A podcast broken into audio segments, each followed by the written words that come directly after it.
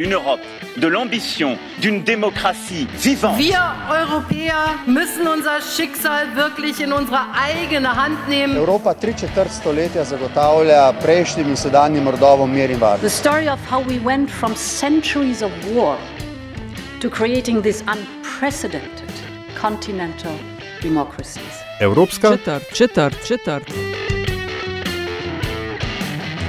The European Green Deal is a broad roadmap. We care also about biodiversity and forests, green cities, and, for example, the circular economy.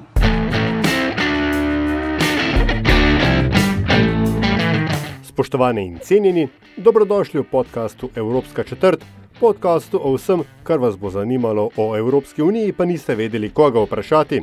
Evropsko četrt vodiva Aljaš Pengov Bitenc in Nataša Briški. Podcast domuje na spletni postaji metina.sim, v vašem nabiralniku pa sveža epizoda takoj, ko je na voljo. tema tokratne epizode je krožno gospodarstvo, besedna zveza, ki so jo v preteklih letih zlorabljali skoraj tako pogosto kot besedo blockchain in jo vtikali v vse možne kontekste, tudi tja, kamor ni spadala. A pandemija koronavirusa je pokazala, kako ranljiva so naša gospodarstva, kako odvisni smo eden od drugega in kako lahko dirka za čim nižjimi stroški in dobičkom za vsako ceno povzroči verižno sesutje celotnih sektorjev, ko pride do sistemskega šoka. In naenkrat krožno gospodarstvo tudi v evropskih institucijah ni zgolj buzzword, ampak eden od temeljev načrta za postkoronsko ukrevanje tako gospodarstva kot družbe. Odlično si to povedal, Aljaš. Eh, Torej, krožno gospodarstvo je, bom rekla, naenkrat v uh, središču pozornosti, čeprav seveda aktivnosti tečejo že veliko del, dalj časa. In v Sloveniji, ko vem, začneš googlati krožno gospodarstvo, se na vrhu ali pa je največ zadetkov z Ladeja Godina Košer. Ladeja živijo v Evropski četrti. Lep pozdrav in en velik hvala za tole vabilo. Um, Ladeja, omenila sem že, da ko nas zanima, kaj v Sloveniji okoli krožnega gospodarstva, seveda je več ekip, pa več ljudi, ki se s tem ukvarjajo, ampak ti si temu, uh, bom rekla, posvečena že vrsto let. Lahko samo za tiste, ki uh, ne poznajo povsem, s čim se ukvarjaš, malo povzameš, uh, kaj je pravzaprav v središču tvojega zanimanja oziroma teh aktivnosti povezanih s krožnim gospodarstvom. Zadnjih šest let se res uh, ukvarjam z to široko tematiko krožnega gospodarstva in sicer sem ustanoviteljica in direktorica uh, zasebnega neprofitnega zavoda uh, Circular Change. Inštituta za krožno gospodarstvo, sedežem v Ljubljani, sicer sem pa zelo razpeta uh, po ostalih evropskih državah in širše. Predsedujem namreč tudi Evropski platformi za krožno gospodarstvo v Bruslu in v Avstriji na Dunaju sem del oziroma so predsedujoča skupini za krožno gospodarstvo v okviru Berta Lamfi Center for System Science in še par drugih vlog imam v določenih organizacijah. Zdaj, uh, ko si rekla, kaj uh, počnemo, uh, če pogledamo zdaj ta spektr teh šestih let, seveda na začetku je bilo predvsem veliko pozornosti potrebne za informiranje o tem, kaj krožno gospodarstvo sploh je. Danes je pa naša ključna vloga, da aktivno sodelujemo pri nastajanju um, sistemskih sprememb oziroma dokumentov in procesov vezanih na implementacijo krožnega gospodarstva v različnih državah in v, vključujemo se tudi v uh, konkretne projekte, ki povezujejo zdaj pa sploh ena taka aktualna tema, krožno gospodarstvo in pa še bioekonomijo. Pa bova šla pa verjetno bolj v detalj. Ampak, če vendarle ne, začnemo na začetku, uh, Ladeja, za tiste, ki uh, se s krožnim gospodarstvom ukvarjamo samo takrat, ko se o njem poroča. Uh, kaj vendarle tako zelo na hitro je krožno gospodarstvo in kako je različno od mojega, verjetno napačnega pojmovanja, ki sem ga dobil v risankah od mojstra Mihata, ki pravi, kako že recikliramo, zmanjšujemo in ponovno uporabljamo. Ja, uh, jaz sem zelo uh, na ravni mojster Miha, kadar me vprašajo, kaj je to krožno gospodarstvo, da malo demistificiramo sam pojem. Uh, in rečem, krožno gospodarjenje je gospodarjenje dobrega, modrega gospodarja. Tale mojster Miha bi razumel, kaj to je, pa tudi vsak dober kmet to razume. To pomeni, da tisto, kar predaš nasledniku, predaš v vsaj tako dobrem stanju, kot si dobil, če ne v boljšem. K temu stremimo. Zdaj pa kaj konkretno pa je v tej skovanki krožno gospodarstvo v jedru, je pa, da upravljamo z vsemi veri tako, da njihovo vrednost v ciklu same proizvodnje že in potem potrošnje ohranjamo čim dlje. Tako da, če zelo konkretno rečemo, ko nekaj se odločimo, da bomo proizvedli, če smo v tem proizvodnem ciklu, najprej razmišljamo o dizajnu tega, kako bomo to zasnovali, katere materijale bomo uporabljali, kje so lahko reciklirani materijali, kje so primarni materijali, kako bomo to lahko potem vzdrževali, popravljali, nadgrajevali ali so uporabljali in šele na koncu reciklirali. Ne. Tako da cel koncept je na tem, aha, ko enkrat nekaj vzamem iz narave, kako bom to čim dlje in čim večkrat in čim boljš uporabil, in če se le da ne zavrgu, ampak ponovno spravil v cikl. Se pravi, tle je ta zanka krožna. To je za proizvodni ciklus, za, uh, sicer pa za biološki ciklus enako. Ne? Kako ne vem, kmetovati, da zemlje ne uničuješ, ampak da vzdržuješ in da na njej lahko še naprej prideluješ. Kako vodo vračati, ne uničevati in jo za večno izgubiti, ampak prečistiti in ponovno uporabiti. Tako da zato je krožno, ampak kot rečeno, v esenci tega je pa dobro gospodarjenje, ki ohranja kakovost življenja za vse. Mhm, zdaj si povedala, kaj to je. Um, ali aš pa je mal namignil, da mogoče ima kdo kakšno napačno predstavo, kaj pa krožno gospodarstvo ni, kaj so um, vem, najpogostejše zmote. Ma, najpogostejše zmote ali pa neki pripisi so še vedno, aha, to je uh, tematika za nevladnike, uh, s tem naj se ukvarjajo komunalci in to je primarno vezano na smeti. Še doskrat se pojavi ta nek, neka zmotna miselnost. Druga, recimo v podjetjih, ne, še vedno rečejo, da to je pa nekaj, kar sodi v poročilo o družbeni odgovornosti, ne pa v jedro našega poslovanja. Ali pa, aha, to je pa nekaj, kar nam dviguje stroške in posebej zdaj po, pandemiji oziroma v pandemiji to ni nekaj, s čimer bi se ukvarjali, ker mi moramo zdaj skrbeti za konkurenčnost. Za razliko od tistih, ki so uh, se malo bolj poglobili in pogledali, kje so priložnosti, krožnega gospodarstva, ravno v kontekstu, kot sem prej omenila, te pa se obračajo ravno drugače. In zanimivo je, da je The Ambroseti House, to je ena največjih svetovalskih hiš in think tankov v Evropi, naredila študijo med 500 CEO-ji, nedavno so objavili rezultate.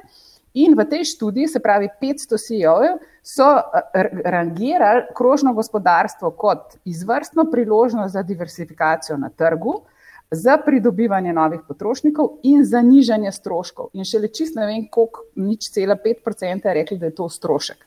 Tako da vidimo ta razkorak v percepciji tega, kaj krožno gospodarstvo je in kaj lahko tudi gospodarstvu oziroma podjetju konkretnemu prinese. Zdaj, um, politike ne, oziroma družbene spremembe se pogosto zgodijo šele takrat, ko so razmere za to zrele. Um, Evropska komisija je v začetku leta objavila akcijski načrt za krožno gospodarstvo, ampak Evropska komisija sama po sebi ne more nič, oziroma lahko zelo malo naredi, če za njo ne stojijo tudi države članice. A je na ravni držav članic, pa 27-terice, dovolj tega zavedanja, da lahko krožno gospodarstvo um, iz um, ideje za nevladnike, kot je napačno poimenovana, kot se je rekla, postane eden od eh, temeljev državnih politik. Države EU-ja so na deklarativni ravni za to, da se seveda okrevanje, ki smo mu zdaj priča, in vsa eh, finančna sredstva, ki so namenjena za okrevanje, eh, usmerijo v zeleni, v krožni smeri. Zato tudi temu govorimo green recovery. Zdaj, uh, razlika je seveda med deklarativnim in med tistim, kar se potem dejansko v posamezni državi zgodi. In tukaj prihaja do teh razlik, kako določena država, kako njeni predstavniki vidijo to, kar je zdaj uh, nam na voljo na nek način za uh, vzpostavitev gospodarstva na nek drugačen način, uh, v tej luči zelenega krožnega. Eh, tiste države, pa bom dala za primer Nizozemsko, ki jo tako radi izpostavljamo, ne, mm, naprimer, eh, ali pa tudi Nemčija, zdaj, če gledamo, kaj se dogaja, ki razumejo, da bo gospodarstvo konkurenčno, če se bodo ta načela implementirala, tiste delujejo bolj v tej smeri. Tiste, ki pa še vedno ne vidijo, da to prinaša neko korist, tiste imajo pa določene pomisleke, ali pa imam jaz celo strah, da bo ta denar ne pravilno investiran, ampak zapravljen za nekaj, uh, kar ne bo uh, šlo v smeri te zagotavljanja dejansko neke kakovosti bivanja in neke družbe blagostanja. Tako da um, tudi mogoče ta izraz, ki ga imamo v Evropi za cel ta program Build Back Better, uh, meni najbolj všeč zaradi tega, ker vsebuje Build Back, ne pa uh, reinvent. Mislim, da je zdaj res trenutek, ker smo prišli do tega sistemskega razpada. Vidimo, kako zdravstveni sistem ne deluje, eh, kako tudi drugi sistemi ne, se ne znajdejo, ne funkcionirajo. Da je res trenutek, da, prav, da premislimo, kako obstoječe lego kot ki so spadle, sestaviti v nekaj, kar bo delovalo. Omenila si le, da je nizozemsko. E, zdaj njim je bila v času predsedovanja svetu EU 2016, e, je bilo krožno gospodarstvo pomembna prioriteta. A so oni, pa Nemčijo si še omenjala, bi rekla, da so oni med vodilnimi državami, kar se tega tiče in kje recimo v tej zgodbi je Slovenija? Ja, jaz sem zelo, mislim, spremljam nizozemsko, ne, ravno zato, ker v času predsedovanja so dali krožno gospodarstvo kot eno prioritet in tudi Slovenija je naznanila, da bo ta trajnostna zelena usmeritev, krožno gospodarstvo in digitalizacija v fokusu našega predsedovanja. Kaj se je zgodilo, ne, kar lahko se naučimo od nizozemske, je, da od trenutka oziroma od leta 2016, ko so uh, se opredelili do tega, da so vodilna država na področju implementacije krožnega gospodarstva, do danes so naredili ogromno. Imajo recimo Holland Circular Hotspot, tudi mrežo, uh, ki je zasebna uh, podjetniška inicijativa, ki pa ima neodvisen uh, supervisory board, Hkrati pa v njem oziroma v tej entiteti sodelujejo vladni predstavniki. Se pravi, gre za nek uh, private-public uh, partnership, kar je pri nas zaenkrat še vedno bolj enigma, uh, oziroma se tega ne vem, zakaj uh, bojimo. No, ampak kaj hočem reči, kaj iz tega izhaja, iz tega sodelovanja in razumevanja pomena povezovanja zasebnega sektorja in vladnega to, da skupaj nastopajo na domačem trgu, da podpirajo, uh, da pre, dejansko monitoring delajo uh, pri podjetjih, kje so pomembne neke um, spodbude, uh, kako prilagajati zakonodajo. Po drugi strani te dobre prakse med seboj zelo delijo in tudi z drugimi državami, in Nizozemska, seveda, kot izrazito izvozno usmerjena država, zna tukaj kreirati partnerstva in vstopati na tuje trge in ta svoj know-how, se pravi znanje o teh krožnih modelih, izvažati, ga deliti z drugimi in hkrati seveda sklepati partnerstva, v katerih tudi njihovo gospodarstvo sodeluje. In tega recimo v Sloveniji manjka, po mojem mnenju, kot opazujem v zadnjih šestih letih, ne, da bi ugotovili, da je to dejansko del gospodarske diplomacije. In nizozemska je tle res eh, vrhunska. Eh, po drugi strani, ne, Slovenija se približuje svojemu drugemu predsedovanju svetu Evropske unije. In ko si prej omenila, da smo prešli ne, iz, fazo, iz faze načrtovanja v zdaj že fazo to, konkretizacije, ne, veliko črnila je bilo prelitega pred kakšnim mesecem, dvema, o tem, da je bil slovenski osnutek investicij za zeleno ukrevanje. Eh, deležen precejšnjih kritik eh, v Bruslu. A je Slovenija kaj dela, kakšen korak nazaj ali korak v stran? Kako to na ti način? Uh, ja, bom iskreno, uh, iskreno povedala in zelo subjektivno, kar ni subjektivno, ni enako objektivno. Moje opažanje uh, v letih, zdaj recimo, da vzamem zadnja tri leta, ko sem v Bruslu bolj prisotna. Uh, je, da smo mi absolutno premalo povezani in da nimamo jasnih prioritet. Mene vsakokrat znova vprašajo, zdaj recimo, ko je aktualno predsedovanje in to je aktualno že dve leti, zelo, ne, ne, ne bo aktualno naslednje leto, ko se dejansko zgodi, kaj so prioritete, kaj bo Slovenija ponudila, katere predstavnike uh, lahko povabimo, kaj so neki paradni konji uh, vašega gospodarstva in tako naprej. In mi nimamo enega enovitega, zaradi tega, ker nimamo ene centralne točke, če tako rečemo, okrog katere bi bile vse te informacije zbrane, uh, kjer bi bil dosežen konsens in kjer bi mi. Predstavniki različni, vsi enako poudarjali in povezovali v tej smeri. Tako da tle jaz vidim en velik manjko. In tudi, če pogledamo od leta 2017, ko smo predstavili, kaj je pot prehoda v krožno gospodarstvo, katerega so avtor, sem tudi bila, do letos Kaj se je zgodilo v drugih državah, ki so šle po tej isti poti, če pogledamo samo predstavitve kažipotov, je sledil jasen akcijski načrt, je sledilo sodelovanje med različnimi deležniki. Mi smo imeli takrat recimo partnerstvo za prehod v zeleno gospodarstvo, ki je bil zelo dober nastavek tega, kar sem prej opisala, da imajo nizozemci. In potem je bilo to nekako razpuščeno in pozabljeno. Se pravi, imamo seveda posamezne inicijative, podjetja de, delujejo po svoje v smeru, eh, v, v kontekstu recimo eh, CERA tudi ali pa imamo SRIP eh, za krožno gospodarstvo in druge, ampak nismo dovolj povezani, nismo dovolj jasni in seveda se potem tudi projekti ne oblikujejo tako, da bi mi za to zeleno ukrevanje bili zdaj pripravljeni in bi rekli, to so naše prioritete, to hočemo, tega nočemo in tukaj so projekti. Tako da tega nam zmanjka. Um, ok, tega nam zmanjka. Kdo pa so, uh, bi po tvoji oceni, ker to že spremljaš intenzivno par let, uh, kdo so največji promotori in aktivisti oziroma aktivistke, če se jih da mogoče celo poimensko našteti? Ja, uh, zdaj bom sigurno naredila krivico, ker bom uh, spustila koga. Ja, ja. Zelo zanimivo je uh, to, kako se m, zdaj, uh, v vsaki inštituciji, ne, tudi če gledamo po ministrstvih, recimo, če začnemo z tem sektorjem, so posamezniki, ne, ki, uh, ki so vedno pripravljeni to podpreti, ampak kdaj jim gre to bolje, ker imajo sistemsko podporo, kdaj je slabše. Ne. Tako da recimo na Ministrstvu za zunanje gospodarstvo imamo kar nekaj predstavnikov, ki, ki so v podporo temu. Uh -huh. uh, potem na Ministrstvu za okolje in prostor, na Ministrstvu za gospodarstvo, ampak če pogledamo skupaj, ne, pa nimamo enega telesa, ki bi jih povezal. Potem imamo, na, kot sem rekla, recimo CER, ki je bil zelo dober za to inicijativo, uh, da um, je povezal predstavnike organizacije, ki se zauzemajo za, ta, uh, za zeleno okrevanje. Ne. Je bilo tudi eno tako gibanje. Omenila sem uh, prej že, uh, se pravi, zunanje zadeve. Srip, uh, ja, tudi srip za krožno gospodarstvo, naprimer, ne, spet z enimi svojimi specifičnimi. Ne. Potem se v univerzitetni sferi pojavljajo posamezniki, ne, ki, ki delujejo na tem področju v raziskovalni. Ne, tako da mediji določeni bolj podpirate te teme kot drugi. Ne, tako da, če pogledamo, je en nabor akterjev, ki pa niso, nismo, če rečem, povezani in prepoznavni kot ena entiteta. Ne? In potem mhm. se te signali ne morejo sešteti. Zdaj, prej smo govorili o tem, kako, oziroma začeli smo, ne, kako so sistemski šoki pokazali na ranljivosti do, do sedajšnjega, da rečemo, linearnega gospodarstva. Ne vem, če je to pravilni izraz.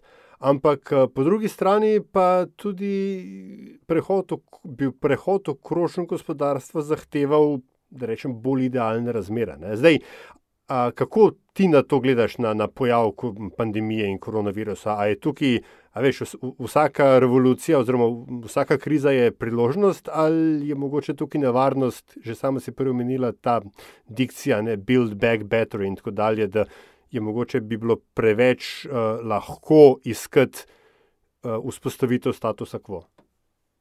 Vedno sta dve plati, pri vseh stvarih. Potem in rečejo, od nas je odvisno, katerega volka bomo hranili, svetlega ali temnega, dobrega ali slabega. Ne? In ta pandemija nam je prinesla eno čudovito lekcijo, poleg vseh manj krasnih. To je, da smo se vprašali, kaj so naše temeljne vrednote, kaj je tisto, kar zares cenimo in zares potrebujemo, ne, kar si želimo. In uh, zelo so nas povezale z naravo in zavedanjem tega, da smo mi del te narave. Se pravi, na tej ravni ne, smo, uh, smo se kot posamezniki, uh, saj, kot opažam, zelo Eh, prebudili na nek način ne, in se zavedali tega.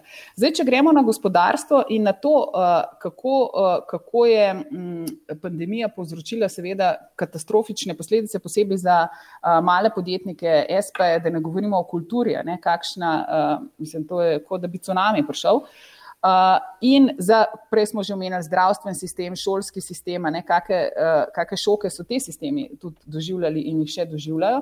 Se pravi, kaj, kaj zdaj iz tega sledi? Uh, če pogledamo tako bolj iz helikopterja, mi imamo vse, kar smo imeli tudi pred pandemijo.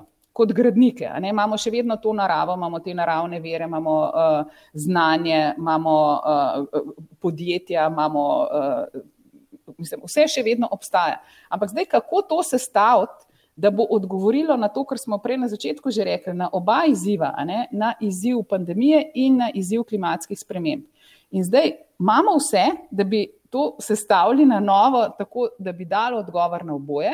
Tudi za cilji trajnostnega razvoja smo nekako okvir že postavili temu. Ne? Mi smo imeli tam 17 ciljev, pri katerih recimo 12 cilj govori o odgovorni proizvodni in potrošnji. Se pravi, ne proizvajamo več toliko, kot proizvajamo, in tudi ne trošimo toliko, kot trošimo, pa vseeno lahko živimo kakovostno. Tako da jaz mislim, da priložnost je, ali smo pa civilizacijsko dovolj zreli, da jo bomo uh, uporabili, bomo pa videli. Mislim pa, da druge priložnosti za časa našega življenja uh, ne bomo imeli. Ne? Tako da, kaj bo potem s civilizacijo, bomo pa videli. Ladeja, najlepša hvala za vsa ta pojasnila. Zdaj povej, kot ambasadorka kampanje, kjer si med 23 ženskami iz različnih področji, gre za EU, for Women, uh, EU Women for Future, kakšne so tvoje aktivnosti v naslednjih tednih, prihodnji projekti? Ja, aktivnosti eh, so, so uh, kot v kakšnem rollercoasterju. V tem tednu bosta dva epicentra delovanja. En je vezan na Latinsko Ameriko, kjer imamo konferenco, v kateri se predstavljajo projekti, v kateri smo vključeni Čile, njihov kaži pot za prehod v krožno gospodarstvo, Brazilija, kjer uh, sodelujemo pri pripravi njihove platforme za krožno gospodarstvo in tudi knjige na to temo. Tako da to je en zapik, Latinska Amerika, drugi ta teden bojo nordijske države, Circular Economy Summit, ki ga organiziramo skupaj z nordijskimi kolegi. Uh, in tudi uh, povezujemo, seveda, znanja in uh, dobre primere iz nordijskih držav s tem, uh, kar počnemo v uh, EU državah. Tako da to sta nekako fokusa tega tedna. Sicer pa nadaljujemo z pripravo knjige. M, Kyoto Manifesto for Global Economics z japonskimi kolegi. Potem poteka projekt BioEast, kjer na področju držav vzhodne Evrope delamo foresight exercise, se pravi scenarije za biogospodarstvo in krožno gospodarstvo za naslednjih 30-40 let. Projekt Effective, spet mednarodni uh, konzorcij, kjer uh, se posvečamo razvoju uh, biomaterialov. Eh, potem pa, eh, kot sem omenila, že kaže poti za Zahodni Balkan, eh, za Srbijo smo ga predstavili, že izdelali, delamo zdaj naprej aktivnosti, enako v Črni Gori, zelo intenzivno.